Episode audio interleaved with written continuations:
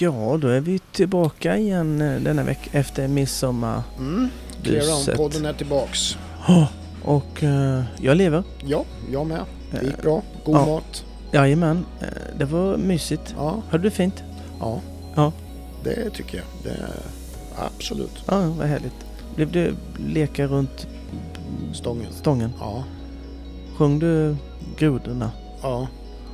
Små grodorna heter de Ja. är bara grodorna. det är någon annan Sjöng låt. du grodan? Boll?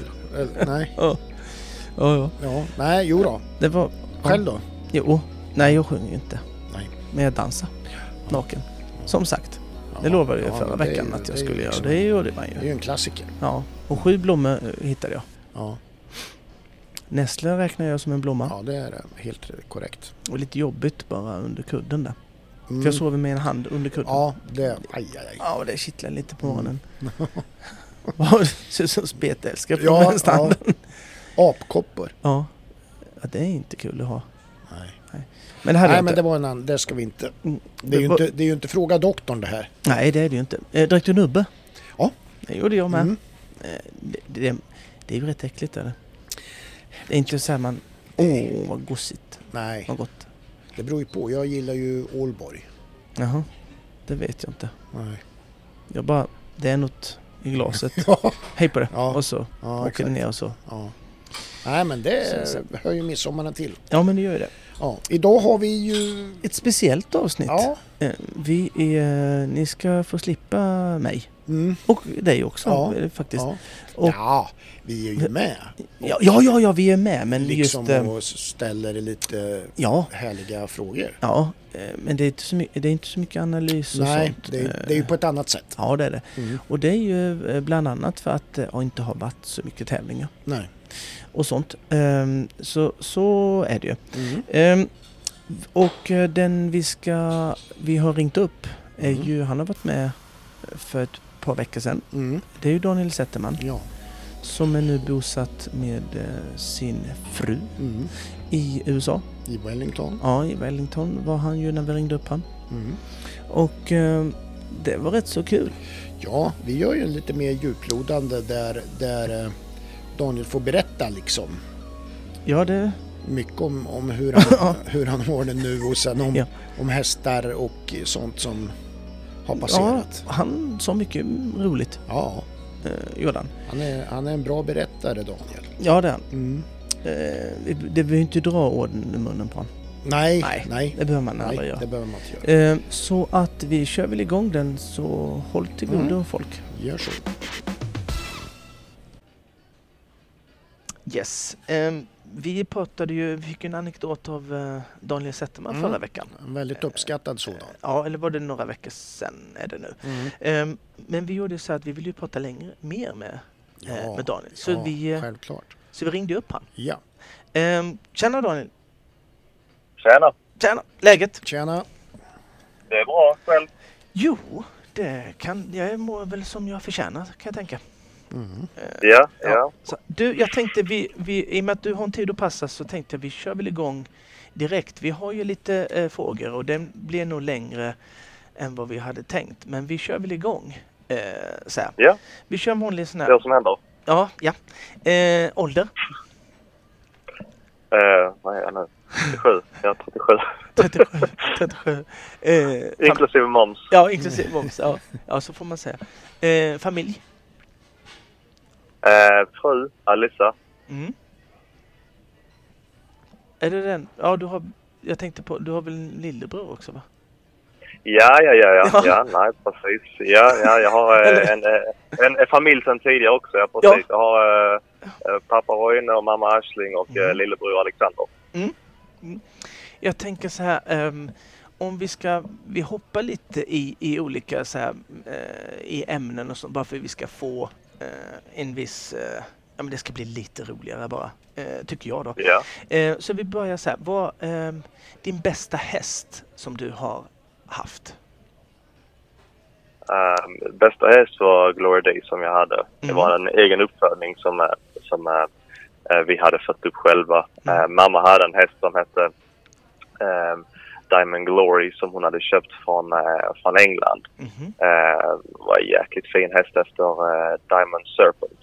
Okej. Ehm, och den har ju gått upp till nu 1,45, nationella med 50 i England och Skottland.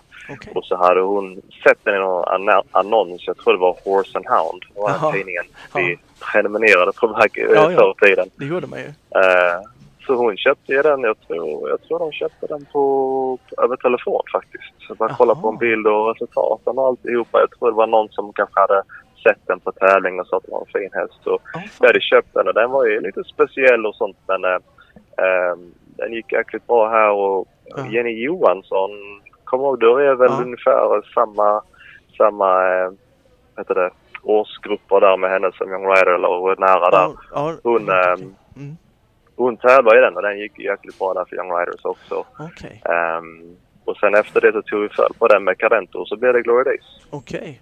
Fick, hon, fick den några fler föl då eller? Efter. hade några till. eh, De, de var ju trevliga hästar men eh, de blev aldrig något som, som, eh, som Glory själv. Och Han var ju den första fölet. Ah, okej. Testade, ni- testade ni någon mer gång med Cadento eller var det? Ja, jag tror vi gjorde det med Okej. en gång till och fick ett sto. Hon var, hon var trevlig men hon blev inte samma. samma. Nej, okej. Ehm, jag har en sjuåring som, eh, som jag har eh, tillsammans med pappa som heter eh, Carlsberg. Mm. Eh, Den, den är efter heter den? Clarimo, den som Rolf-Jan Ja, just Bengtsson hade den, Jamen. den Grand Prix-hästen, Ja. vita. Mm. Och sen så med då Glory Days mamma. Så det är egentligen den sista, skulle jag tro, sista. Och den, den är väl den som, som har väl bäst chans att kunna på något sätt göra bra från sig. Men ja, Ah. mycket som kan hända från sju år fram, några år framåt. Ja, ja, ja, gud ja. Absolut. Kän, känns det lite extra då när man har fött upp den själv och det, det blir en så fin häst? Ja, för, för min del så blir det ju nästan, vad ska man säga, en, en, en liten saga utav det hela. Bara, Mm. liksom. Vi födde upp honom själva och Ja, jag kommer ihåg mycket väl, eh, vi hade ju eh, Jana Jodevall och, och, och som alltid tog hand om våra unghästar och sånt. Och sen så när, när han var inriden och klar och sånt för att den ska liksom börja hoppa och sånt, uppsutten, så hade han kommit över till oss då. Och då var han ju tre och ett halvt eller något sånt där. Mhm. Och eh, så jag, pappa och Alex tävlade rätt mycket utomlands då. Mm. Jag hade inte så mycket hästar som tävlade större klass. så Jag hade rätt så stort ansvar för alla unghästar då, fyra, fem och sexåringar. Så jag red ju honom då från början. Så de försökte väl stjäla honom från mig några gånger men eh, det visade sig att han passade bäst för mig faktiskt.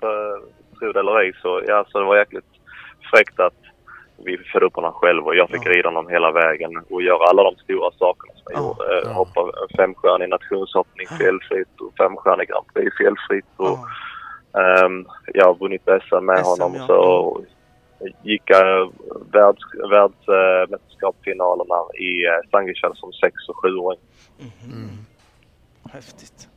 Ja, vad härligt. Ja, jag kommer ihåg det. Det var en jävla fin häst. Jäkla Ja, fin var en trevlig Young Riders-häst. häst. Hyfsad va? Det var ju många, var många som tyckte det. ja. Ja, det är en trevlig Young Riders-häst. Ja. Men var den så här så att den, ni såg redan när ni liksom typ löshoppade den första gången att oj, oj, oj, den här jäveln, den här är något extra? Eller det var...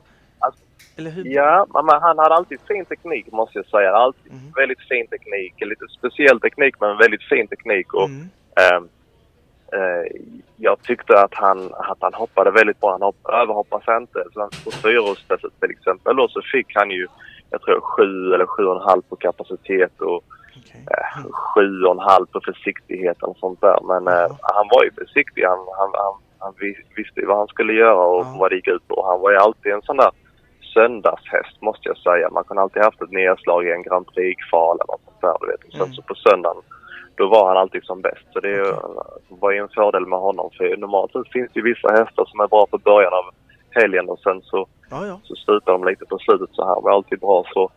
Så um, nej, men det gick ju vidare där som åttaåring så fick jag chansen med honom Mm. då när Maria Gretzer och eh, Ankan var eh, förbundskapten. Ja, just det.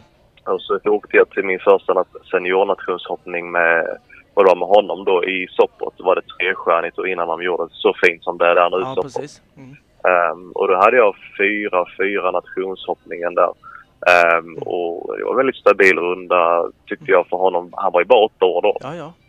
Gud ja. Eh, och sen så, så tävlade vi vidare och gjorde Grand Prix och han var trea i Grand Prix i, eh, ja, vad heter han, Wilhelmsborg där. Eh, Mm. Jag kommer ihåg där, nej inte Wilhelmsborg, den andra, ja, kommer till mig nu, Odense, Odense mm, som är Rolf-Jan Bengtsson och Bo Kristoffersson anordnar Ja, just det. var han i trea där och är bara fyra stycken felfria totalt i den Grand Prix. Så att, eh, det var egentligen stora, stora första Grand Prix vi hade gjort tillsammans. Och sen några veckor senare så var han fyra i eh, Riders Tour-finalen i, i eh, München och sen blev uttagen då hoppa i Göteborg med någon som nioåring där i februari i, i världscupen. Och då hade han ett nedslag där för sin första världscup-kval då. Fan, Och skitbra. sen, ja, gick det vidare. Han hoppade nationshoppningar där och det, i lummen och sånt. Och sen blev uttagen, hoppade rum och första rundan han någonsin gjorde i den här femstjärniga superliga, eh, nationshoppning som det hette, det var en felfri första rundan där. Så att han gjorde en hel del bra saker där och Ja, åkte till alla fina tävlingar. Jag Åkte till eh, St. Gallen, eh, Hickstead, eh, Dublin, eh, Aachen och eh, ja, många andra fina tävlingar. Så eh, han var en bra häst. Ja, Den, den gav dig mycket rutin och upplevelse med då ju. Ja, precis. Speciellt när man är så pass ung också. Jag tror jag var 25, 26 när jag började Ja. de stora tävlingarna. Ja. Så, att, ja, så man lärde sig allting tillsammans med honom. Men lite som du nämnde något tidigare avsnitt med, Ja. med din eh, för, förra häst Danna där. Liksom, Ja. Att man tänkte, Precis. tänk ifall jag haft den hästen Ja. lite senare. Ja, Men sen samtidigt så tror jag att om man inte vet så mycket man, Som, man, som man vet nu till exempel. Då Nej. tror jag att man är lite, vad ska man säga, naiv ibland. Och Ja. man, man, man köttar på lite Ja. mer än vad man tror man kan Exakt. göra. Så man tror mer på sig själv. Ja, Nu när man vet mer så tror jag att man är mer li- realistisk Ja, i vissa exakt. lägen. Va? Att Ja. man kan faktiskt kanske inte pusha sig lika hårt ibland som när man 100%. är yngre och lite naiv. Så att det är en balans med det där. Va? ja, Ja, det där är intressanta Ja, det är jäkligt intressant Ja. för det, det, det är 100% så. Eh, Ja. om jag skulle säga, om du fick välja en häst du skulle vilja tävla eh, nu. Den, vi fick välja vad, alltså, genom historien. Men du skulle vilja tävla nu 2022. Vilken skulle du eh, valt då? Vad är din drömhäst? Alltså, de, vi har ju... Ja. Svårt att säga sådär exakt. Uh, många skulle nog sagt Alin. Jag tycker Mm. all heder till Peder. Han gör ett för ett jäkla bra jobb med Alin. Jag tror inte han är så pass enkel för vem som helst. Jag tror inte han är så enkel för vilken Nej. professionell ryttare som äh, heller. Men Ja. Ehm, sen den King Edward gillar jag väldigt Ja. mycket. Den är ju en fantastiskt fin häst. Den tror jag skulle nog passa mig lite mer Mm. jämfört mellan de två, Mm. de två typerna av hästarna. Mm. Um, sen annars gillar jag den Daniel Doysers häst, den uh, Scuderia Tobago. Den är ju så Mm. jäkla fin den Mm. hästen också. Mm. Alltså, sen, sen rider inte han så dåligt heller så att han krämar ut det bästa Ja. av den hästen va, liksom Mm. på toppnivå. Men den är ju fantastiskt fin. Men, Mm. Ja, jag, jag, jag, jag ska gå lite mot strömmen och inte säga Alin. Jag skulle nog säga King Edward. Jag tycker han, King. Edward är fantastiskt fin. Ja. Speciellt, jag tror inte han har så mycket rutin på höga nivåer heller. Va? Nej, Han nej. har ju egentligen bara gjort två, två år eller två och ett halvt Mm. år stora nivåer. Mm. Mm. Mm, ja. Absolut. Varför tänker du inte du skulle kunna passat med all in då? Eller varför skulle du inte... Vad skulle Jag du? tror att, eh, inte för att man inte behöver vara stilla på, på eh, King Edward, men jag tror att Alin är så, så pass känslig. Alltså han är Mm. nästan som att, sitta på, på nålar. Va? Alltså, Ja, man måste vara så 100% med allting och där, där tror jag att det är många som underskattar Peder, Peder lite. Mm. Hur jäkla bra han måste vara med tanke på att han är ju längre än de flesta ryttarna på Mm. toppnivån. Det är Mm. inte många som är hans, hans höjd. Det är ju egentligen Henrik och Daniel Deusser och eh, Steve Gardar och även kanske några till, några, några långa holländare och sånt där. va. Men Mm. eh, jag tror att eh, där, där behövs den där eh, companionship mellan Mm. häst och ryttare där man vä- väger av exakt minsta lilla gram här och där. Va? Och där tror jag att Peder gör mycket bättre från sig. Så skulle jag gå rakt in så tror jag det skulle ta mig tid att vänja det och även Okej. hästen vänja sig med det. Mm. Jag tror han är så pass, så pass känslig och därför han gör så pass speciellt också när man trycker på alla rätt knappar vid Mm. rätt tillfälle. Mm. Mm. Intressant. Du, ehm, vi tar lite personliga grejer. Har du, har du någon hobby?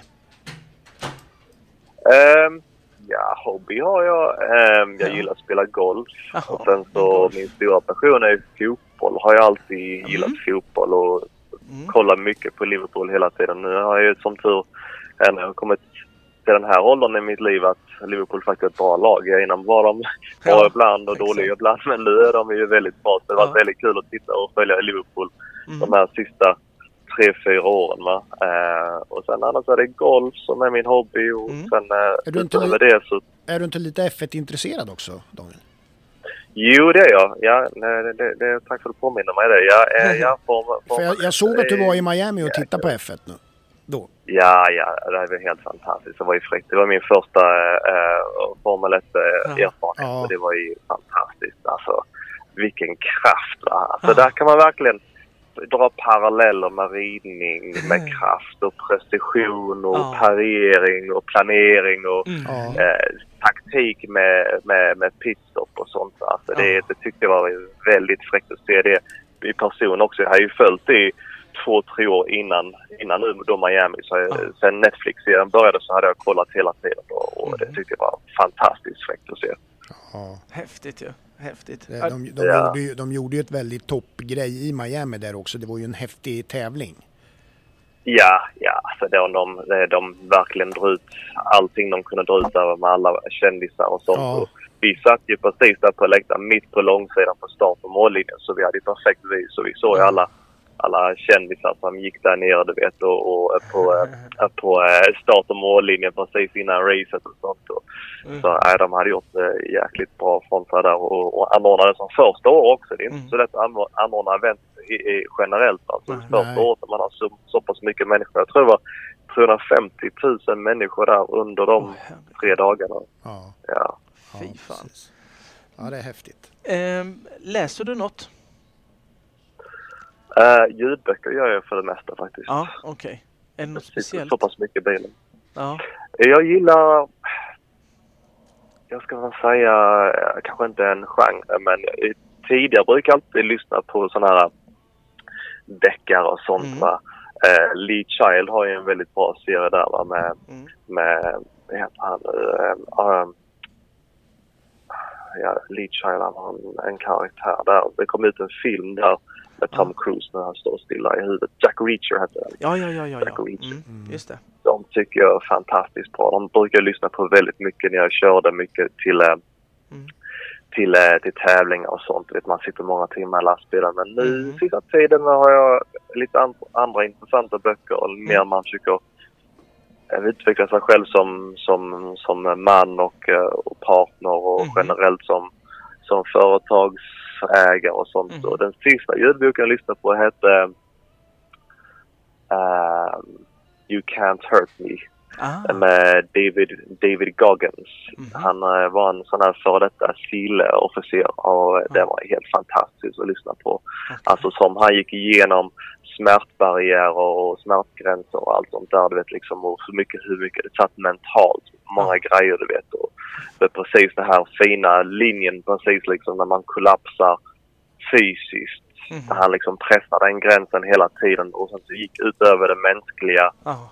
fysiska delen och, och pressa sig längre och, och liksom så att det inte finns några gränser eh, så att säga. Så den, den var den sista jag lyssnade på precis nu den var helt fantastisk. Okej. You Can't Hurt Me med Okej. David Goggins. Sådär ja. Mm, bra det ska, jag, tips. ska jag Ja. lägga på minnet. Du, finns, finns det någonting, eh, så här, något märkligt eller udda som inte man vet som du har berättat innan? Som folk har intervjuat dig? Alltså, det kan vara, du sover med ridbyxorna på, eh, de vita ridbyxorna innan du går och lägger dig på, innan tävling. Så gjorde jag nämligen. Det är en sjuk grej. Ja. Ja. verkligen. Så Ja. kom in i stämning och bara, Men jag är ändå inte förvånad. nej. Jag, jag, bruk, jag brukade faktiskt alltid ha ett, ett sätt.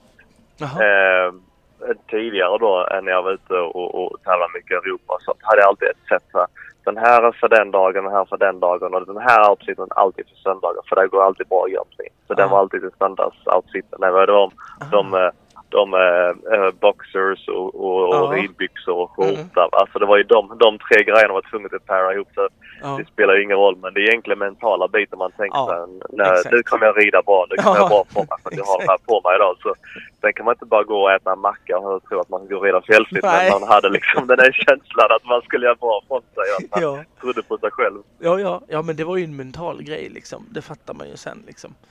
Mm. Eh, jag tänker, hur mycket, hur, hur många procent avelsintresserad är du?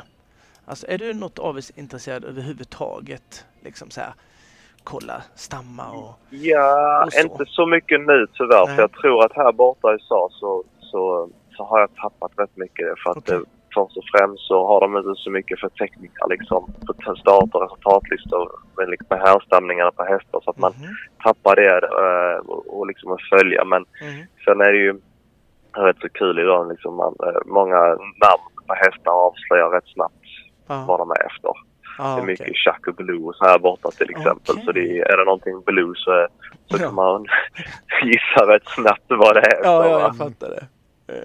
Ja, ja. ja, men förr var, var det väldigt viktigt när, när jag var, hade verksamhet i Europa och sånt. Mm. Att man alltid tittade på många olika härstämningar och sånt. Och, Mm. eh, vad som är fungerande koncept. Där får man ju titta lite på om man ska dra tillbaka parallell där med, Mm. med Formel 1. Va? Liksom man tittar då liksom, okej den här säsongen, vilka, vilka bilar gör bäst, bäst ifrån sig? Aha, Mm. Okej, så tittar man då, kanske inte det här är, är verkligheten, men tittar man så här, okej så här, det här ena laget då, de gör bra sig. Vilket, vilken eh, motor kör de? Ah, de Mm. kör Ferrari. Ja. Ja, och Ferrari ligger bra till också samtidigt. Aha, okej, så den här säsongens motor då Mm. är egentligen det bästa som, och det är då Ferrari man ska köra med. Nu drar jag bara ett exempel, nu är inte det verkligheten just Nej. nu, men bara man ska dra en sån parallell och Ja. tittar man på Aston Martin till exempel, de kör inte Aston Martin eh, eh, motor då. Så, Mm. så där är ju alltid viktigt att titta, vilket är det just nu som, Mm. som är mest framgångsrikt? Sen så är det ju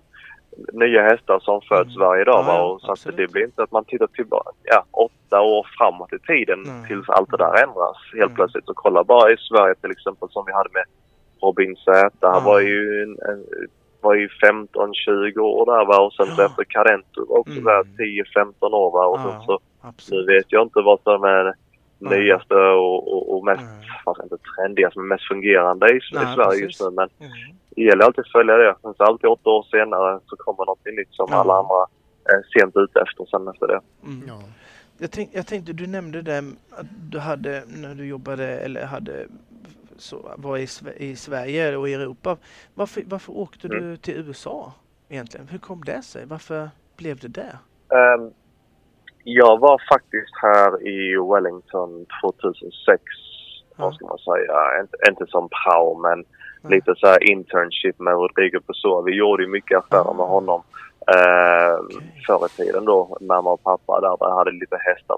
Här genom, eh, kommer du ihåg hans hästskötare Kate Forsén som Ja, ja, jobbade ja, för ja, oss? ja. Kate, ja. Absolut. Ja. Så hon jobbar ju för honom så det var ju Mm. lite länken däremellan med hästar och sånt och Mhm. affärer. För min, mina föräldrar höll ju rätt bra kontakt med henne däremellan så det blir ju lite länken där. Mm. Så han hade ju eh, hade en häst som vi ägde som heter Red Hot. Mm. Eh, som han hade där borta i Wellington och så mamma och pappa, eller mamma först och främst tyckte att det var en bra erfarenhet och även för, för, för businessen, vår affärsverksamhet att, eh, att jag skulle åka över lite och se lite hur det är och sånt så att de skulle kunna eh, se hur det funkar, hur rider eh, den amerikanska ryttaren här, liksom Mhm. vilken sorts häst är bra för marknaden och Ah, även liksom för framtida kontakter och lära känna människor och sånt så att Ah, man ja. kunna liksom ehm, förbättra vår business då direkt till direktkund och inte behöva gå igenom många andra agenter och Ah, ja, tränare. ja. Så precis, precis. jag kom över 2006, var här i 6-7 veckor och det var ju mixade, mixade känslor. Mm. Jag var ju 21 då och ehm, jag hade ingenting att rida sådär va. Så man kände ju att man var nästan lite, vad ska man säga, stall, stallryttare på Ja, något sätt ja, där då. Så ja. man, och sen så komma hemifrån där liksom i, i Europa, Sverige och, och man Mm. tävlar liksom större klasser och helt plötsligt fick man bara markarbeta hästarna du vet Mm, och, mm. eh, och, och var inte direkt någon tävling och sånt. Så eh, då var jag ju vara en helt annan synpunkt att se det från det när man inte tävlar själv. Mm. Och sen så, då första året jag gjorde den här, de här femstjärniga Grand, eh, Grand Prixerna och eh, nationshoppningarna Mm. 2010. Mm. Eh, både jag och Alex var ute då och då körde de rätt så hårt med arrangören från Wellington på alla de här tävlingsplatserna, eh, de femstjärniga. De ville föra fler europeiska ryttare. Mhm. Och de kom med sådana här olika upplägg och förslag och med, med priser och sånt vad det skulle kosta. Och pappa han var inte alls intresserad. Han tyckte vad ska ni åka till USA för? Det är bättre ni är hemma och rider Kullabygden istället. Och fan, är många unghästar här. fan, jag kan inte rida alla de hästarna. Ni ska ligga där borta och sola er. Vad fan, ni får ju vara här och rida också.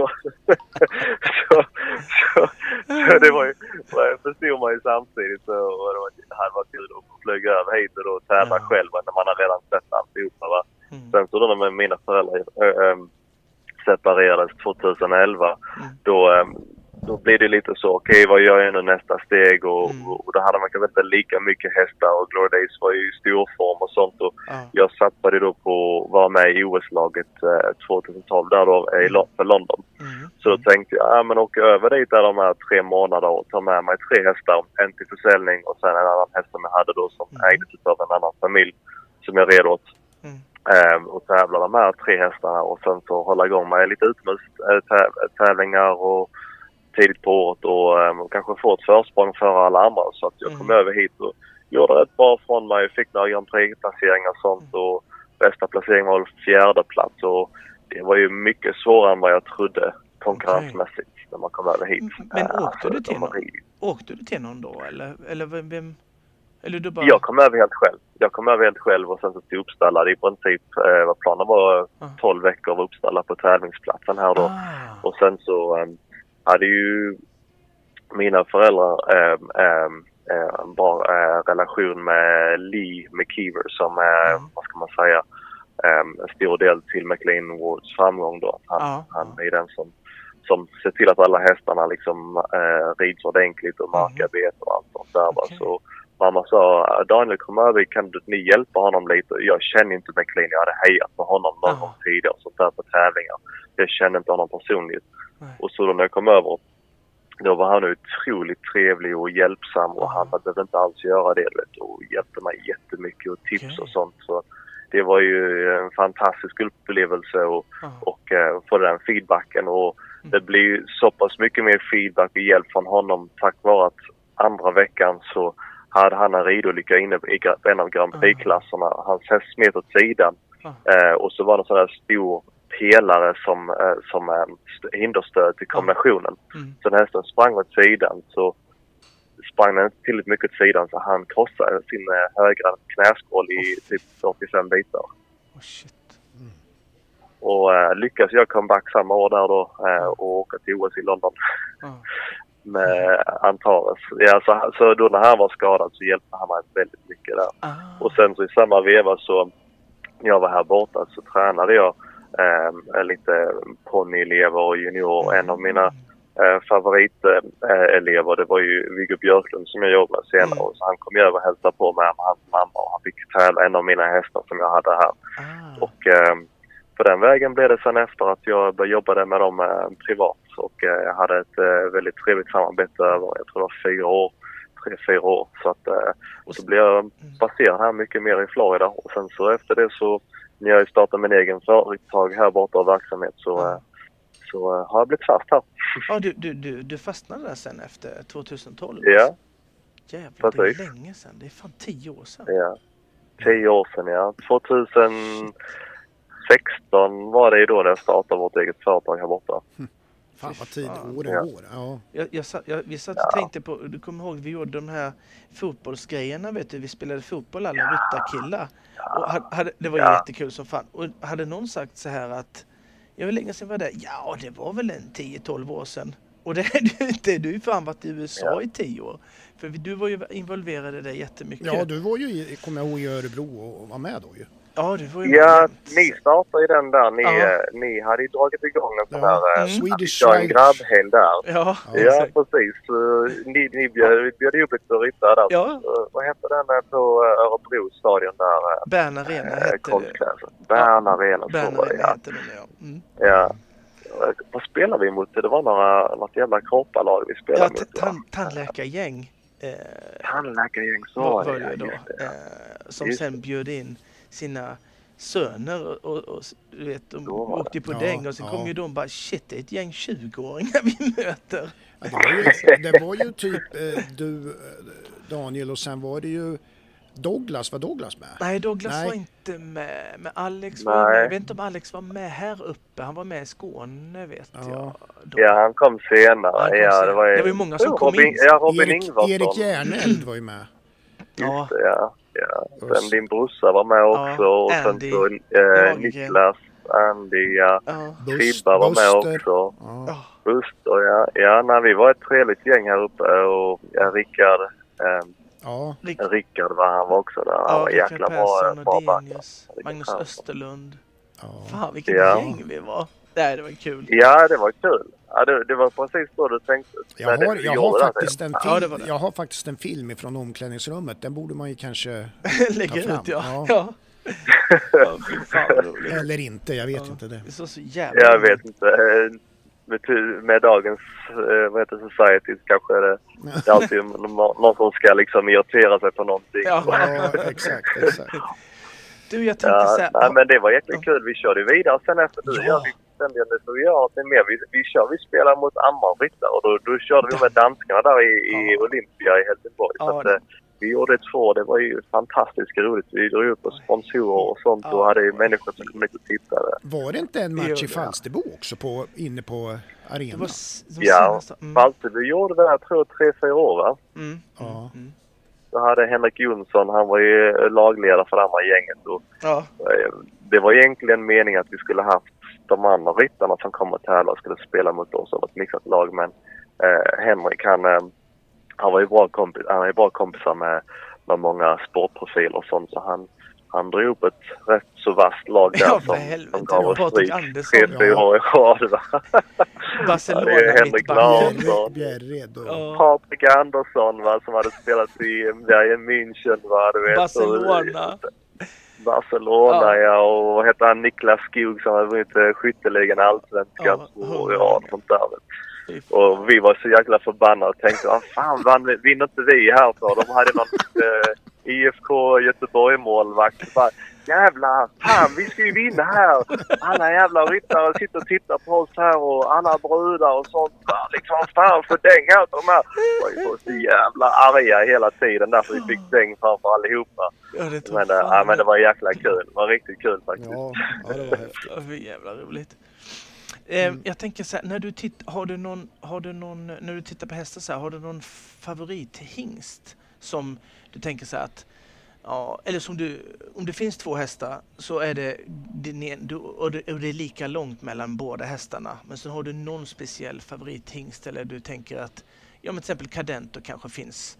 Nu är väl han lite, inte passé, men han är ju fortfarande, men på den tiden så hade ju jag kanske åkt lite längre för att se en Cadento avkomma än en, eh, ja, inte vet jag, Illum avkomma liksom. Eh, har du någon sån? Jag vet, jag vet inte ifall... Eh, jag har många som tänker likadant eller haft en samma tanke men Mm. eh, Quickstar-hästar var jävligt svåra att hitta och få tag på va? Ah, Okej. Mm.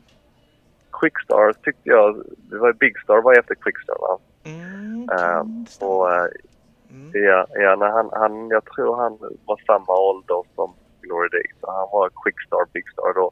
Som Nick Ah. Skelton red eh, och vann i OS med. Ja, ja. Så jag var alltid intresserad av Quickstar och okej. svårt att hitta Quickstar-hästar nu idag, men även då som var bra. De var ju lite så här...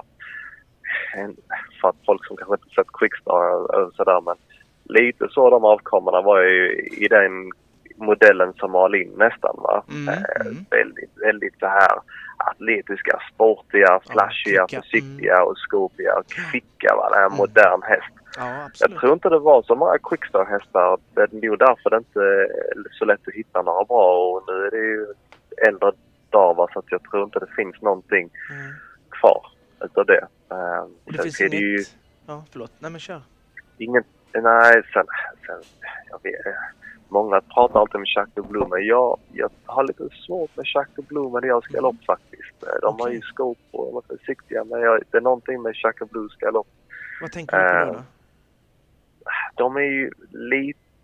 Jag känner att man måste fan får de sitta på bakbenen ordentligt va? Mm, mm. Och det är nu därför de tyska ryttarna och de belgiska och, och holländska ryttarna har haft bäst resultat med Mm. mm. Blue-hästarna. För att de får dem verkligen att böja Mm. på de bakhasorna och Ah. sitta på bakbenen. Mm. De har ju en fantastisk förmåga och, och kapacitet och försiktighet. Man måste få Mm. dem att verkligen sitta på bakbenen först och att böja under sig så att de Mm. inte blir långa och platta och, och, och, och eh, styva i, i, i överlinjen. Va? Nej, de är väldigt här, mjuka och runda. Mm. Ehm, det är egentligen den som är, alla säger är, är den bästa hästen statistikmässigt. Va? Så att, eh, Okej.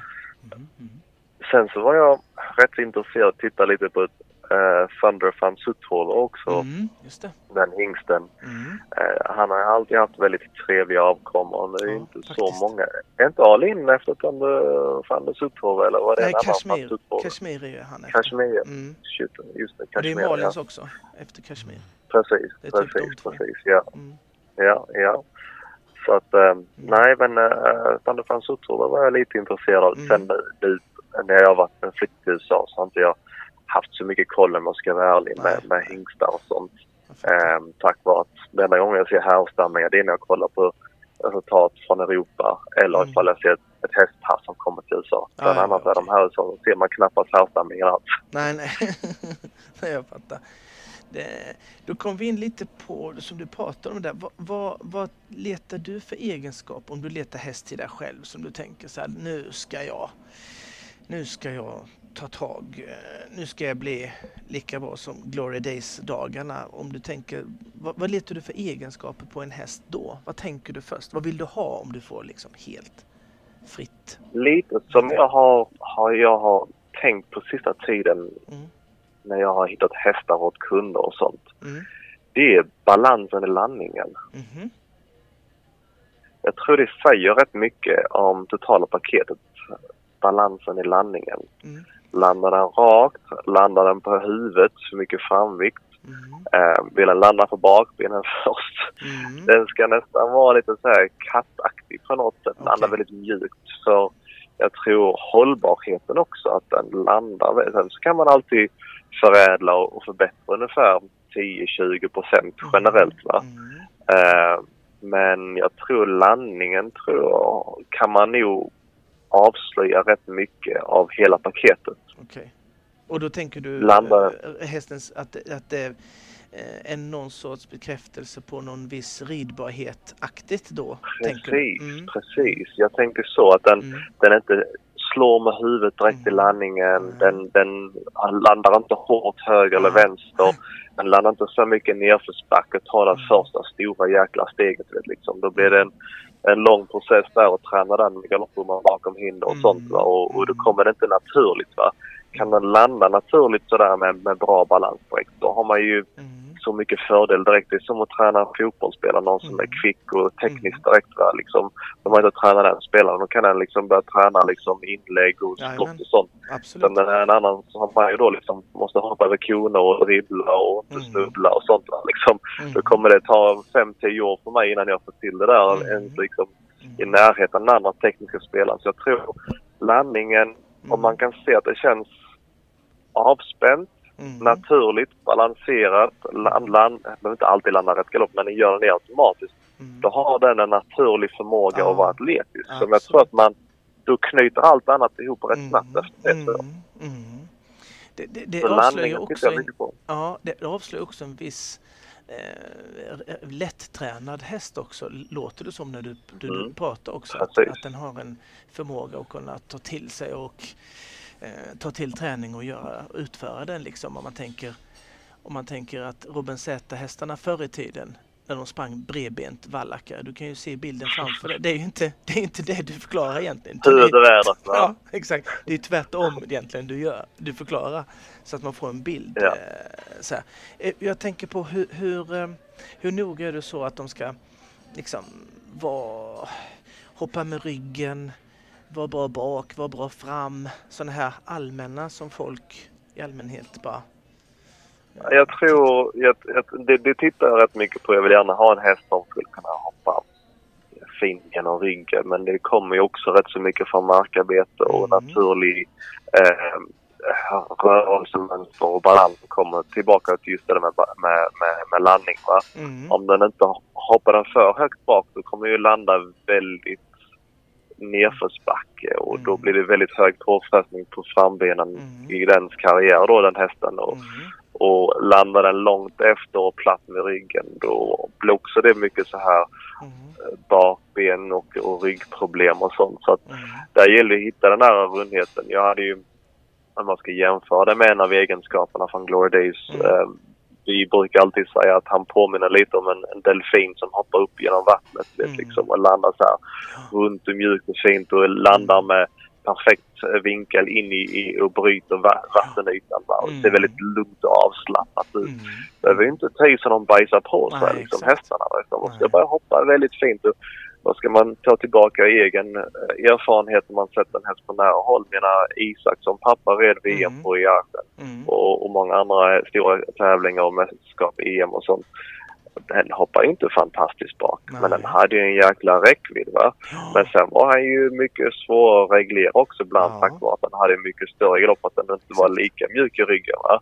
Nu Mm. kommer man in i en, en fläskig trekombination som är riktigt trång ut då. Va? Mm. Ja, men vad ska man göra? Dra hårdare om munnen? Nej, nej. Det, Nej, Exakt. det ja. gäller ju Mm. hästen har en hjärna och kunna Ja. använda kroppen. Va? Mm. Det är som om jag ska hoppa över ett staket själv. Liksom, man tänker, jaha, hur ska du göra här nu på ett snyggt och smidigt sätt? Utan liksom och, och ramla över och alla skrattar åt det. va? Liksom, det är lite den, den mentaliteten hästen måste ha när den kommer in och bara, jaha, hur gör vi här nu då? Ja. int intressant, intressant det där. Mm. Okej. Det, det är kul med olika hästar. En, en personlig favorit som, som jag har som ni hade i familjen det var ju Richmond Park. Ja, vi... Ja, ja. Och, och eh, Han var vi, lite annorlunda. Ja, ja, men jag såg ju nämligen då, för vi gjorde ju lite research då inför ett tidigare avsnitt här då och då, då eh, var det ju, han alltså gick ju in där som åttaåring i VM där 2002 och, Ja. eh, och eh, var nolla i första och sen fyra fel i andra och fyra fel i tredje omgången. Det var ju snack om ett break där Ja, som ja och sen så. Ja, gick han vidare där, topp 25 i semifinalen. Va? Jag tror Ja. han ja, hade ett nedslag i en av rundorna. Sen tror jag det kan det ha varit sista rundan. Jag tror han hade två nedslag. Men det var ju jäkla stort i VM. Va? Det var Ja. för rest, ja. ja, ja, nej, men han var en fantastisk häst. Jag kommer ihåg... ehm, han kom ju från Irland va? Mm. Eh, kommer jag inte ihåg vad hon hette. Mary, Marian Hughes.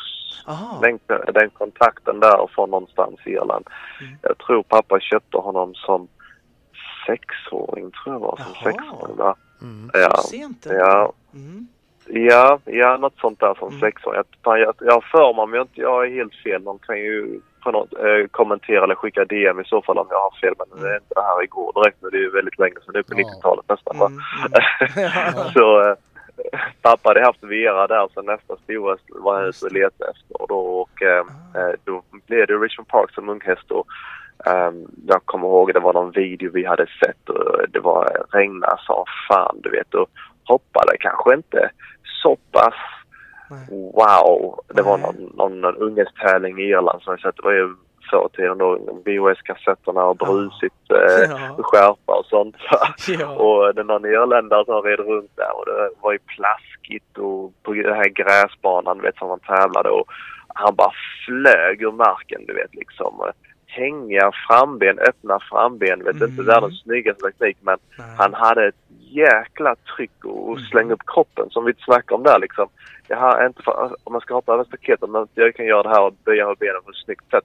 Men då har jag trycket att hoppa höger va. Mm. Det var ju lite hans Mm. förmåga va, att kunna Mm. stampa till och hoppa den här leriga, Ja. Tråkiga underlagen va. Och Ja. sen så, jag kommer ihåg han vann alltid mycket klasser så fort det började regna, så fort det började ösregna. Då visste pappa direkt. Nu har jag dem. Ja. Now, now, Känner han igen sig? ja precis. Och det för att- visar han. För att den där rundan, eh, första rundan där i, i VM, den finns på Youtube, ligger. Eh, Just och, det, ja. och, ja. eh, och eh, alltså han rider ju fantastiskt bra där också, Roine. Och det är, så, Ja. det är så kul för att det är ju Janne Svanlund och eh, Lasse Permler var det ju på den Mm, tiden som mm. kommenterade. Mm. Och man hör att de är liksom lite sådär, ja man hör att de blir överraskade nästan och det blir oj oj oj och Mm. den är bara åtta Ja. år, åtta år säger de flera gånger och, och Roine å. Så att det, det de, eh, ja det var Ja, fantastiskt. men det, det är ju lite där också, om man ska säga, en kombination mellan häst och ryttare, Mm. Ja. mentalitet. Mm. Ja, Eh, som jag har sagt i en tidigare eh, podcastintervju där, Mm. min pappas största förmåga var att han alltid trodde jävligt mycket på sina hästar och sig själv. Mm. Ja. Mm. Han, eh, och jag tror med den mentaliteten då måste man ju ha lite eh, eh, relation till verkligheten och till begränsningar och sånt. Men jag tror att han satte en, en jäkla eh, eh, förtroende och, Mm. eh, och Mm. tro till Mm. hästarna. Va? Och Mm. om hästarna har det naturligt, jag tror det är det som gjorde att alla hans bästa hästar som han hade, som han gjorde bra från sig, hade den naturliga mentaliteten. Mm. Som du säger där, han var ju väldigt ung. Jag kommer ihåg, eh, han sa ju alltid det om väldigt många hästar att det skulle bli min nästa mästerskapshäst. Det skulle vara si och så. Men jag såg ju många filmer när pappa hade varit med i Sunshine Tour då när, han var, när Richmond Park var sju år. Mm. Jag kommer ihåg det var så jäkla roligt. Det var en, en film där han hade hoppat någon sjuårsklass eller vad det var. Mm. Och jag vet inte vad, det var någon missun- missuppfattning i någon runda där. Och hästen hoppade så jäkla kraftfullt och brallade direkt i landningen du vet. Och Mm. pappa var inte alls med på noterna och det var så mycket kraft över inte någon speciell klass av vad det var eller höjden på klassen. Mm. Så han, han tappade balansen och, och flög av och jag vet inte hur många gånger vi kollade den här filmen i slow motion där han, han typ sparkar ut mot pappa i, när han är i luften, du vet. ja. Och han hade ju sån här blåvitt öga. Ja, jag kommer inte om var på vänster eller höger sida av ansiktet. Kom, kom Och han vände sig om i luften och tittade bak på honom. Han märkte att det gick i slow motion. Och han bara vad är fan djävulen själv? Han var fan ute efter mig. Va? Kolla här jäveln. Och vi skrattade allihopa och han visade det till alla sina liksom, kollegor och sånt. Och bara, eh, kolla du vet, jag, hoppar fan ur sadeln. Jag hoppar ju två meter över hindret. och Jag hade inte en chans att hänga kvar. Och sparkade efter mig i luften du vet, och tittade bak samtidigt. Så han hade ju sån jäkla atletisk förmåga den hästen redan då. En sån jäkla inställning va. Det var ju nästan så här. Ja, häng med nu. eh, eh, häng med nu din jävel. Ja, var det ja. nästan liksom den här inställningen hade va. Mm. Ja. Och jag tror efter det då var ju pappa okej, nu var jag ju tvungen att liksom hänga med här för han hade en jäkla tryck i dojorna den hästen. Mm. Det var det han, han eh, levde på då, Levde att på den det. här Mm, eh, trycket. Ja. Mm. Absolut. Sen gick ju han eh, eh, bra där då på VM som du berättade och då skulle ju Pappa ägde ju, eh, eller vi ägde den då tillsammans med 50% med en amerikansk eh, ryttare som hette Leslie Bear Howard som du Mhm. säkert kommer ihåg. Mm. Tillsammans med en annan eh, holländsk ägare då. Mm. Så, Mm. och då hade de sagt, ja men rid VM då om det är målet och sen så tar vi ett snack sen efter VM. Och då, Mm. då blev det ju att eh, eh, Sylve var lagledare då på Mm. VM och, och då tror jag att de alla drog ihop ett gäng där med, med några svenska hästägare som skulle köpa den andra halvan då. Det var ju Göte David tror jag det Mm. var och det var, jag tror Frida Ekströms pappa. Mm. Kommer du ihåg honom? Mm. Jajamän. Eh, och sen var det en till. Jag undrar inte det var någon av hennes och inte Maurit Knutte då? människorna. Nej, det var inte Nej. Knutte. Jag, Nej. jag tror det var... Ja, var det inte... Ja, heter hon eh, ryttaren där? Brunstedt? Var det inte Brunstedt? Ja, ja, ja, ja, ja. Mm, Ja. mm, mm, Det var ju tre ägare, kommer jag ihåg. mm. Racerföraren. Precis. Precis, jag tror det var det. Uh, Ja, för att det. Det, det, fanns ju lite förhoppningar säkert då för det var ju rätt bra ekipage var ju det. var ju, det var ju Cardento samtidigt och eh, Butterfly Flip var det väl va? Och sådär. Så det är Mm. klart man kanske ville behålla ett landslag med bra hästar då ett tag. Precis. Mm, mm. Precis.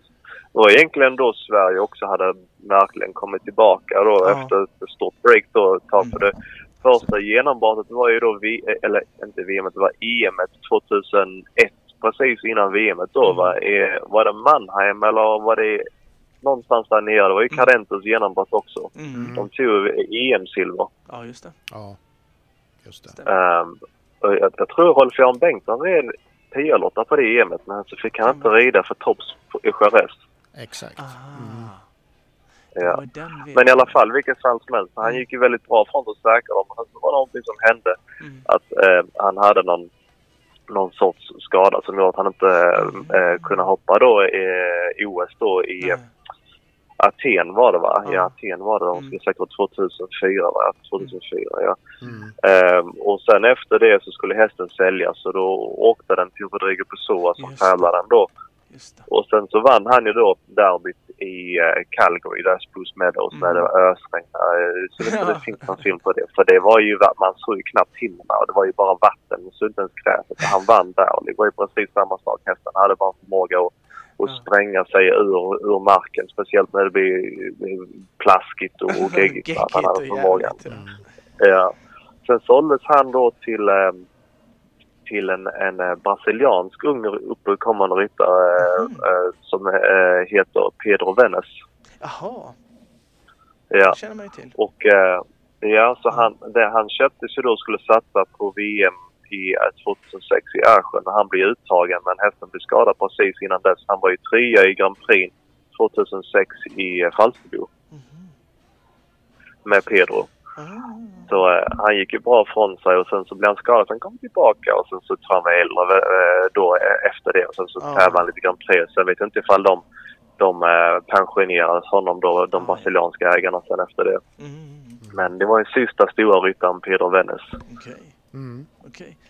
Jag, vet, jag är ju också så här tokigt intresserad i fotboll och sånt där. Man lyssnar ju mycket på fotbollspoddar och man lyssnar på proffs som, som så här, pratar om vad de tränade på lite extra och Kulusevski han gjorde avslut och ja men du vet massa sådana grejer. Fanns det något som du Mm. som ryttare tränade lite extra på när du satt hemma liksom, och tänkte så här, fan jag, jag vill bli bättre på det här eller det här som du var medveten om, som du liksom medvetet tränade lite Mm. extra på. Fanns det något sånt eller? Jag, jag tror att ända sedan jag var 15-16 år. Jag hade en, en, en väldigt bra D-ponny som hette Clock Jordan Valley. Som var en Mm. fantastiskt fin D-ponny. Mm. Eh, var lite typiskt irländskt, du vet liksom. Gick i korsgalopp och eh, var, kändes som att rida, sitta på ett S, du vet liksom. Var Ja. så här, som, som en orm nästan genom ryggen. Va? Var liksom Ja. krokig bak och krokig fram och krokig i nacken och, och, och huvudet. Va? Mm. Ehm, och om inte jag fick honom rak så hade jag oftast garanterat en nedslag. Men kunde jag hålla honom rak så kunde han hoppa var som helst. Okej. Och ehm, efter det så, så tränade jag rätt så mycket med eh, en sommar där då med, med Josh Kums. Ja. Och han hjälpte mig rätt mycket. En belgisk tränare som var Mm. stor eh, man i, i, i brasilianska lagen över åren och sånt. Och många andra duktiga ryttare. Precis. Mm. Han var ju i framgångarna med, med Rodrigo som, Mm. som eh, mentor och även med hans pappa då Nelson. Mhm. Ehm, så han hjälpte mig mycket med det. Så sen dess har jag alltid haft en, en eh, obsession med att hålla Ah. hästarna rak. Okej, så det, det fick Ja. du med dig på ponnytiden som du har sen... Precis. Ah, Hela tiden. Vilken Mm. häst jag än sitter upp på. Mm. Nu nästa, nästa stall jag ska till här och rida. mm. Jag har en ny kund. Och hon har tre hästar och alla är jättesnygga. Mm. ja. och, och, och sen så, det är bara helt vanlig ridning va. Bara håll hästen rak. Håll Ja. hästen rak Mm. från, från eh, höfterna till, till bogarna Mm. och nacken.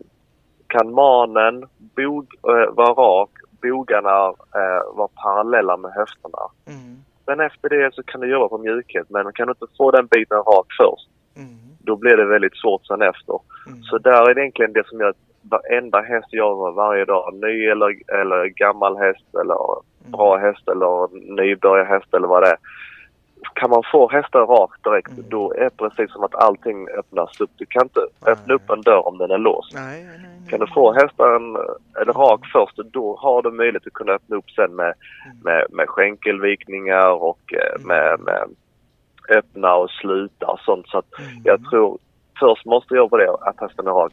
Sen när hästen är rak då kan den gå framåt och då kan den Mm, precis. samla sig. Ja, ja. Men är den inte rak först när den är krokig, Mm. går den med, med bogen till vänster eller till Mm. höger, då Mm. måste man se till att man jobbar på det, att man, man får den rak. Sen det är ju svårt över, över, telefon så här och, och Mm. förklara. Det är nästan någonting man får visa Ja. eh, i personerna. Mm. Men eh, kan man öppna den biten där helt plötsligt så speciellt många som jag tränar här borta som inte har så, Nej. så bra bakgrund med markarbete. Nej, För det är markarbete det är grammatregler här borta Ja, generellt. Mm. och, och sånt va. Mm. Och så får jag får en häst rak. Det är inte så att jag drar en häst ner på tygen. Jag, Nej. jag, jag, jag, jag, får den rak i kroppen och sen så helt plötsligt så börjar den röra sig ett avslappnat, Yes, trevligt sätt och kommer igenom Mm. överleden. Mm. Och, där är, och det kommer sen då, då kan man aktivera bakbenen också Ja, i samma veva. Och Mm. aktiverar man bakbenen då börjar den tugga på bättre trevligt. Yes. Den börjar tugga på bättre trevligt då kan du fråga den att göra vad den vill sen efter det Exakt. i princip och jobba vidare. Och eh, så fort jag gör det med de här, Mm. det, det, det är nästan så pinsamt. De Ja. Oh my god, you're an amazing writer Uh, I don't know how you're doing this. I mean, are you some kind of Robert Redford horse whisperer? or sen så, så bara säger så här, No, it's just normal writing Ja, exakt. Det är lite som vi Säger jag pratar alltid till dem. lite som du Daniel i, i, du får säga som han sa. Vet de andra om det här? Ja. Ja, jag bara säger, "Hör, vet de andra om det här? så, eh, nej, men det, det ligger mycket i det där och det är väl Ja. egentligen där, om du ska säga, en sak som jag tänker mycket på. Det är som är viktigt, man, man kan ju alltid hålla på så här, du vet, liksom. eh, Mm. som tränare. Man ska vara lite inspiration och komma Mm. med tips och sånt. Och jag brukar alltid skoja med, med andra eh, kollegor och sånt. Man, man är, åker på någon klinik och eh, eller om man, någon har sett någon film och sen så är det alltid någon är ambitiös och sånt. Och sen så är det precis som att de inte har lyssnat på de här viktiga bitarna när det Mm. kommer till ridbarhet och rakriktning. Mm. "Ja, Har du någon övning man kan tänka på man kan göra innan tävling? Här. Ja, exakt. Ja, Så jag bara, jag hoppar de här tre kryssen i rad så kommer du gå felfritt och vinna snabbast tid och du kommer helt imponerad. Nej, det funkar inte så. Nej, det gör inte det. Så vet. där är en av de bitarna varje dag. Bara träna Ja. på det. Jag brukar alltid säga till mina kunder. Titta på nacken. Är manen, om du slappnar av, Mm. är manen by, böjer sig till höger.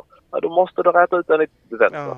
Böjer den lite till vänster, då måste du räta ut den lite till höger så att Mm. den biten är rak först. Mm. Då är äh, äh, halsen rak med Mm. bogarna. Mm. Sen måste du kolla, var är, är, är bogarna i relation till höfterna? Mm. Och sen därefter då måste jag använda, äh, lite så här ähm, äh, haunches in eller ska jag liksom flytta Ja, bogen lite till höger eller till vänster göra det. Mm. Sen helt plötsligt är han mellan någonstans i en mjuk kontakt ungefär på ett halvt kilo till Ja, ett kilo exakt. i varje tygel. Mm. Det är bara liksom bara balansera ut och sen när hästen bara känner det bara Oh shit, se, se, se på fan det här, det här ser jävligt bra ut. Ja, Och då exakt. får hästen liksom bara ta- tugga på där liksom och, och, genom kroppen och då helt plötsligt bara känns det som att ah, det här är ju ridning. Ja, nu har jag exakt. öppnat upp dörren. Nu Mm. kan jag göra vad jag vill. Nu är Mm. hästen med mig. Nu lyssnar den. Absolut.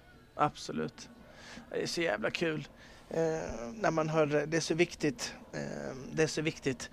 Du, jag har någonting, eh, en liten kontroversiell, den mest överskattade ryttaren i världen. Du behöver inte ta just nu utan överskattade. Den är lite rolig. Jag älskar sådana. Du kan ta förra också. Alltså någon som, Ja. Ska vi se. om du har någon mest överskattad. Um, now you got me taken on the bed. um, jaha, nu ska vi tänka. Du kan mest underskattad då? Om, du, om det är lättare. Det är kul om man tar överskattar för det är lite roligare. Men mest Mm. om det finns någon, om det är lättare. Jag Liksom. tror någon som inte kanske har fått så mycket Mm. som jag kan känna fame eller uppmärksamhet. Mm. Nu har jag varit eh, framgångsrik är Erik Navé, Mhm. måste jag säga. Okej. För om man är lite intresserad av Erik Navés system Mm. och vad han har gjort. Så för alla- som inte vet om Erik Navé, han är en fransk ryttare som vann eh, VM i Stockholm, Stockholm eh, 90. 1990. Ja, Mm. precis. Och EM red även i OS. Mm. Precis, och han var tvåa i den, i den Jerezzen som vi pratade om där på det Mm. VM där. Mm. Eh, samma final där som Minta. Mm. Ja, han rider ju Minta bäst tror jag. Ja, absolut. Mm. Och eh, han är ju fortfarande aktiv. Han är ju här borta i Kalifornien nu så han har ju Mhm. ett eh, privatkontrakt där med, med en eh, ryttare som heter Carl Cook. Och eh, Okej. han har ju tränat honom. Alex och jag har haft förmånen och fått lite hjälp att träna med Erik Navé. Men han är helt fantastisk. För anledningen varför jag gillar Erik Navé är för att först och främst är han en gentleman. Ja. Han älskar hästar. Mm. Han tar sig tid. Mm. Och han, han har en personlig erfarenhet som han berättade till mig och Alex hur han i princip eh, gjorde sitt eget system. Mm. Eh, var att han åkte till ett OS, jag tror det var i Los Angeles. Eh, jag vet inte vilket år det var, det vet ni säkert bättre. Jag 84. tror det var Los Angeles. Ja. 84 var 84, det. ja. Mm. Ja, han åkte över hit och eh, han s- hade ju sett tyskarna såklart och Europa Mm. va. Mm. Och jag tror det var första gången han såg amerikanska ryttare.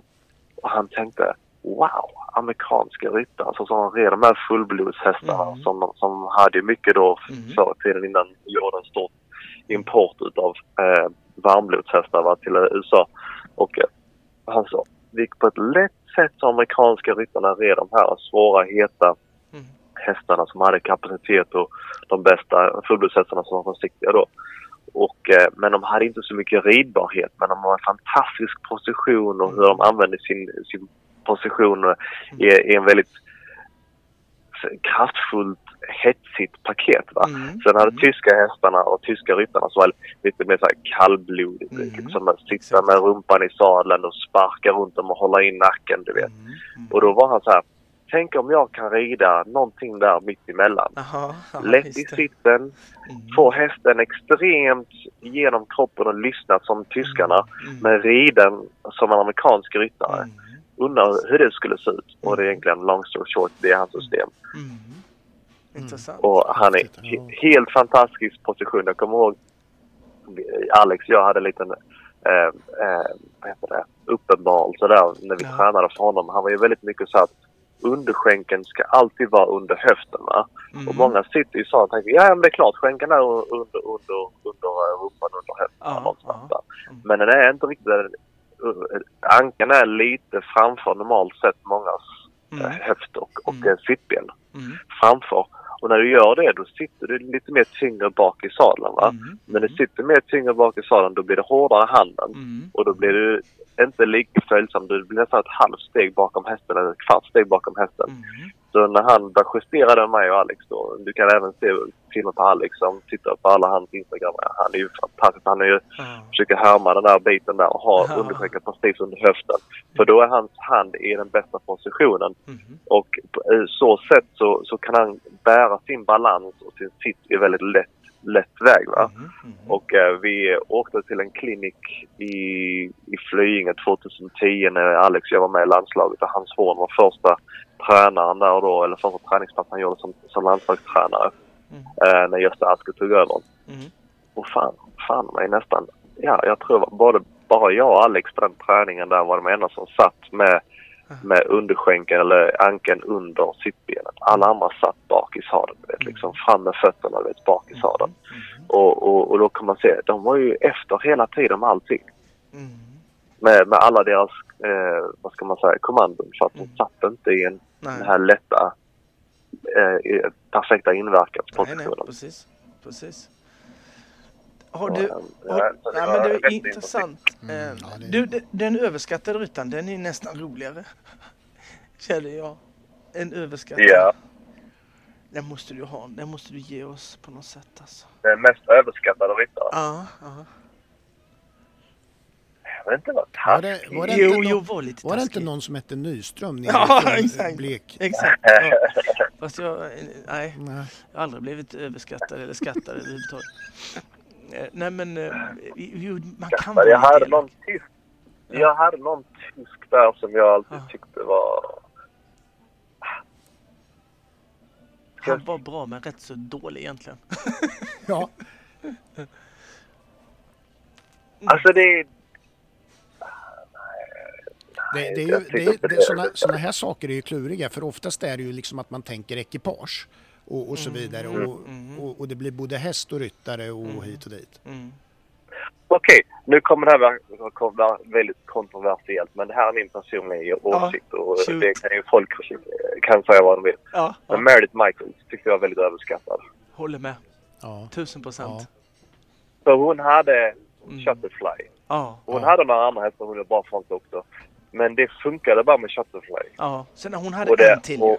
Eh, Var det inte en till hon hade som Shutterfly? Och, Hon hade, efter det var det Le Mans och eh, den andra stora Scopia-hästen. Men jag Mm. tyckte mm. hon, hon var bra. Don't get me wrong, hon var bra. Ja, Men absolut. fan var överskattad egentligen för att hon, hade en speci- hon har en speciell ridstil som bara hon kan rida. Och Mm. Marcus, hennes, eh, hennes smak är ju bra. Jag tyckte han, han Mm. är en bra ryttare och sånt. Men jag tyckte hon var väldigt överskattad. Och Mm. bara för att hon hade den hästen där så blev hon ju så, typ som en världens bästa ryttare. Helt Ja, plötsligt hon exakt. hade gjort.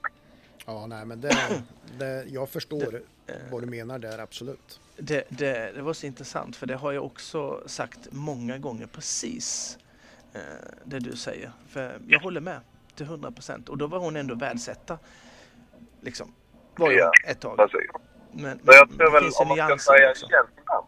Mm. Om Ja, man ja. ska säga ett känt namn så tror jag att det är mest, mest passande att, att hon var egentligen en av de mest överskattade Mm. ryttarna. Men jag kommer ihåg när hon trillade av i världscupfinalen Mm. när hon egentligen behövde ha ett eller två nedslag och fortfarande vinna. Ja, Hon trillade av i sista rundan. Hästen gick till höger eller vänster och hon gick andra håll- hållet. ja. Ja, ja, ja jag, jag minns det. Det var, det var det sjukaste jag har sett i hela mitt liv. Så, nu säger jag inte att hon är en dålig ryttare, men ska man säga vem som man ska komma ihåg mina... Tar man bara Chopperfly då tänker man, jaha, var hon så jäkla bra? Ja, ja precis. Mm. Mm. Nej, nej, men det, det, det, det är sant. Mm. Fan vad kul det var att prata med dig då Daniel. Ehm, fått massor med roliga Ja, grejer jätte, och ja. eh, kul din insikt med hästar som du eh, liksom det sättet du tittar på en häst som du vill ha. eh, just hur de landar. Sånt där är ju kul att höra alltså. För det finns en logik i det, det du säger.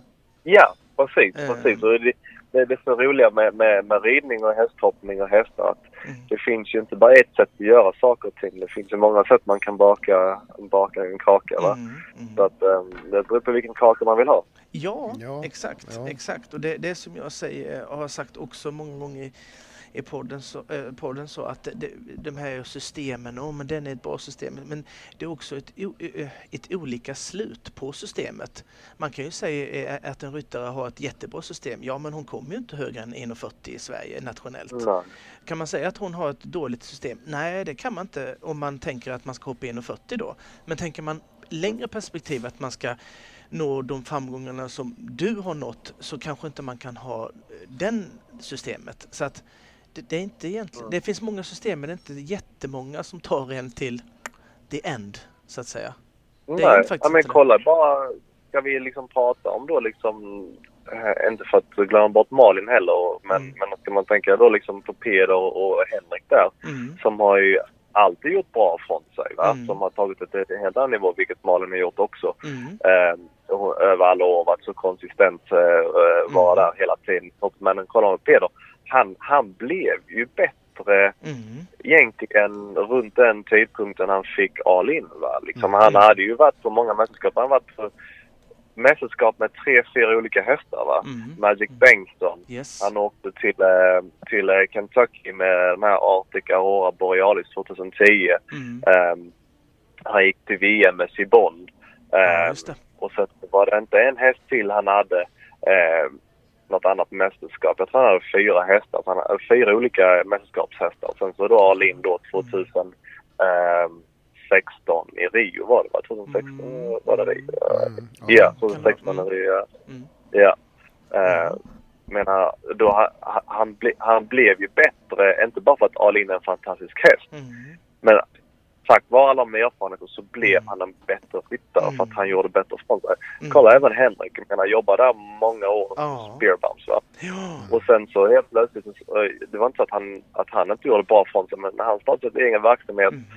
han blev fan mig bättre också va. Han gjorde ännu bättre från sig Mm. och utvecklades som ryttare. Och de Yes. rider ju väldigt lika, både Henrik och Peder va. Mm. De är ju lika långa nästan va. Ja, de. Samma system, samma Mm. sadlar, lätt Mm. sitt, Mm. samma sorts man skulle tro, ge dem en jäkla elefant va liksom. Mm. De är ju långa killar och sånt, det är den typen.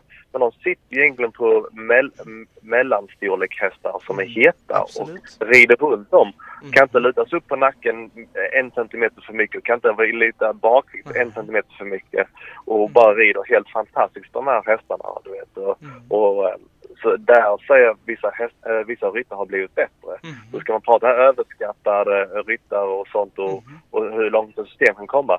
Du kan ha ett bra system det där som du säger. Mm. Men du måste göra ditt system ännu bättre så det kan komma ännu längre. Exakt. Long story short. Yes, hun- hundra procent. Hundra procent. Vad heter Eh. det Daniel, Eh, dina, dina planer, har du en plan liksom så här att eh, eh, ja, är du fast i Wellington nu eller kommer du liksom att, att se det så här att nu ska jag köra det här företaget si och så och sen kanske jag är tillbaka i Europa eller Sverige eller är du, är det Wellington som kommer att gälla? Ja, alltså som, som allting ser ut som, som jag har upplevt här, här med, med kunder och verksamhet och Mm. sånt. Att jag har väl kanske lagt lite mer den personliga eh, ego, vad ska man säga, artist eh, karriären lite åt sidan. Va? Det kan vara Ja. mer liksom sälja hästar, träna och sånt. Men det är här borta en helt annan service Mm. eh, industri där det finns en fantastisk möjlighet att kunna livnära sig Mm. fram till sina äldre dagar än vad man skulle göra till Mm. exempel om man är en tävlingsryttare i Europa. Ja, Eh, där man kan säkra upp ett bra system och det är, jag tänker mer långsiktigt så. Mm. Sen är det såklart, får man en trevlig häst på vägen, man har en bra eh, hästägare Mm. så, så det är klart man vill satsa på det. Men då helt plötsligt så offrar man lite sitt företag och alla Mm. kunder man har runt omkring som, som betalar för en tjänster och tränar för en heltid och sånt. Men jag, jag, jag, Mm. tisdag till söndag så har jag 13 hästar här borta. Mm. Jag har en trevlig häst, en åttaåring som en kund och, och äger som jag rider som eh, går under 40 som kommer från Sverige som köpte från pappa. Han var tvåa på sex års i, eh, i eh, Falsterbo. mm. Eh, en eh, uppfödning från eh, Anneli Mikkelsson. Och eh, den är en väldigt fin häst. Men utöver det så har jag egentligen bara sälja hästar eh, och, Mm. och träna folks hästar och sånt. Och skulle någonting dyka upp, ja, då får man ju se, ta ett beslut därefter. Ska Ja, man köra en. Europatour Mm. eller ska man tävla här borta alla de amerikanska tävlingarna och kanske gå på merit från det. ja. Får man ja, Mm. ta det när det kommer. Mm. Mm. Men eh, definitivt, jag sitter på mycket kunskaper som du sagt tidigare. Mm. Man, man kan ju mer ju mer man reflekterar Mm. och man hjälper andra att träna. ja. Sen får man eh, bara en chans med en häst och så kunna försöka få allt det där tillsammans. Mm. Sen svårigheten är, bara för att man kan det i huvudet så måste man kunna få ut det Ja. i kroppen också samtidigt. Exakt. Exakt. Menar, tittar man tillbaka när jag var yngre, liksom man tävlar hela tiden, varje helg. Mm. Man åkte med en eller två lastbilar Mm. eh, fullt med hästar och bara in i banan hela tiden. Du vet, och bara försöker få de här felfria rundorna. Nu är jag lite mer så här, alltså perfektion och allting ska vara perfekt och Mm. sånt där. Mm. Men då liksom hade han bara en grej att göra det och man, man gick felfritt fast man inte gjorde det he, helt perfekt hela Nej, tiden. Det, det vart Nu, lite men gör man fabrik. inte- Ja. Precis, Mm. precis. Genom bara liksom, ja, pumpa ut resultat hela Mm. tiden. Mm. Nu är jag lite mer petigare, noggrannare för att jag kan vara det. Så att skulle jag få en bra häst nu, då kanske det kanske blir lite mitt, vad ska man säga, sjunkande sten. Att Mm. man blir för petig va. Mm. Mm. Mm. Nej, kommer inte riktigt rakt där. Hoppa lite högre. Vet, ah, lite så. Lite långt steg där i landningen. Ja. Det är lite där centipeter. Ja, ja exakt, exakt. Ja. Så det kan vara en nackdel Va- också. va- vad ser du, hur ser du på det Daniel, att, att man har ju en, en bild av att det liksom är lite snobbigt. Alltså sporten där borta har ju lite grann den stämpeln att det är en, en sån typ av människor som håller på. Eller hur ser du på det? Är det en gammal syn? Nej, Nej, jag, kan- jag kan hålla med till det till en viss del. Du kan se på det från båda sätten. Hur den amerikanska mentaliteten är och hur, eh, och hur de uppför sig samtidigt som hur en, en, en bonde från Sverige som Mm. jag själv vet, eller inte bonde men kommer från landet va. Mm. Mm. Eh, och se, eh, se eh, från båda sä- sätten. För oss i Europa är det en folksport. Mm. Ja, Och så är det liksom vem som helst kan på något sätt kunna ha råd att, att göra det va. ja, Här borta är det ju mer en, en, en sport om man tittar hästhoppning. Sen har det med deras folksport här. Det är ju liksom westernhästar och sånt. Va? Men det är Mm. ingenting man kan hoppa runt med. Så hoppningen själv är ju i princip en, en sport där man har ekonomisk, vad ska man säga, en fördel att kunna göra Ja. sporten. Va? Mm. Precis.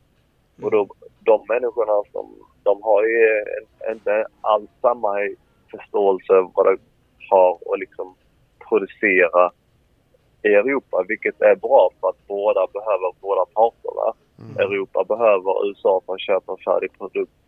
USA behöver Europa som levererar en färdig produkt. Mm. Skulle USA vara mer självständiga som Europa och ha egen uppfödning och göra allting själva, då skulle inte Europa överleva på samma sätt. Nej, nej. Och vice versa. Jag menar, Mm. om de, inte Europa kan sälja till USA, då blir det att alla sitter på alla fina hästar men ingenting blir sålt. Mm. Mm. Så att där, de, behöver den där. Men den här lite mentaliteten med, amerikaner de är kanske lite bättre och sånt där.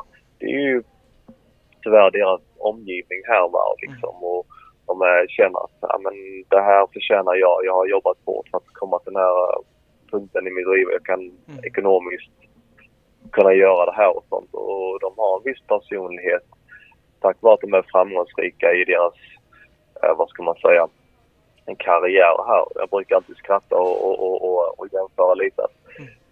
Alla, varför USA är som det är, att många är framgångsrika. Först och främst har de ett system där att det belönas om du jobbar hårt Mm. och, eh, och eh, blir framgångsrik.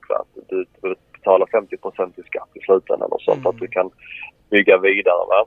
Mm. Och sen så även att är du duktig så får du klapp på axeln och sånt och du kan faktiskt säga det rakt ut. Det här gjorde jag jävligt bra. Det här är, man behöver inte liksom vara så här jantelag och liksom bara vara, nej men ja, det var väl okej. Fast man vet innerst inne fan jag har jobbat stenhårt jag gjorde det jävligt bra. Jag är bättre än alla andra. Fast man kan inte säga det rakt ut i Europa, den kulturen som vi har, speciellt i Mm. Sverige. Mm. Här är det mer så här bara Oh, you did well? Good for you. You're awesome. That's really good. Yeah, yeah.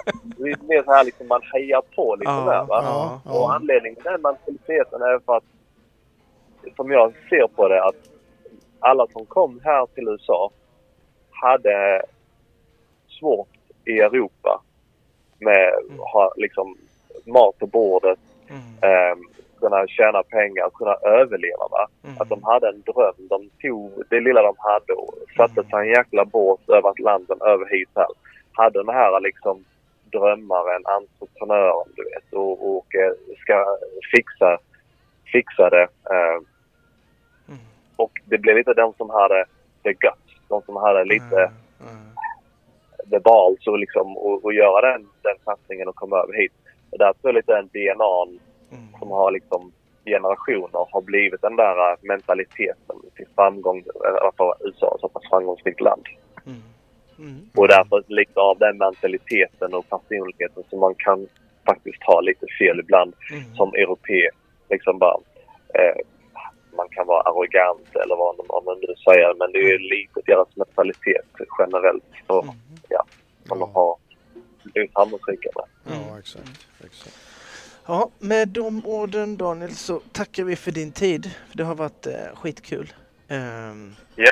Så eh, vi kanske kommer tillbaka Ja, någon det- mer gång. jag tror det vi kommer att göra det. det. kommer vi att göra Vi måste ha bara. en korrespondent på andra sidan. Ja, exakt. Ja, exakt. ja ni är alltid, alltid trevligt att snacka med oss och det ser jag fram emot en annan tillfälle igen och Ja. ha lite andra roliga grejer att prata om. Ja, ja, för fan. Det gör vi gärna. Eh, Men, men tack så jättemycket för den här gången Daniel. Mm. Så hörs vi av. Ja, Tack ja. så mycket. Bra, bra. bra. Tja, tja. Hej. Ja, det var ju eh, eh, Daniel Zetterman det. Ja. Eh, vad roligt. Ja, jättekul. Eh, det, Han, det, han är alltid rolig att prata med. Ja, det är han. Jag tror faktiskt vi kommer återkomma till honom fler gånger. Ja, men så känns det ju. Mm. Eh, absolut. Eh, nej, men det var skitkul. Eh, hoppas ni eh, tyckte det var roligt. Ja, Eh, för det tyckte vi. Eh, vi, vi ska väl säga det att vi, vi kommer väl att köra några sådana här personporträtt kommande.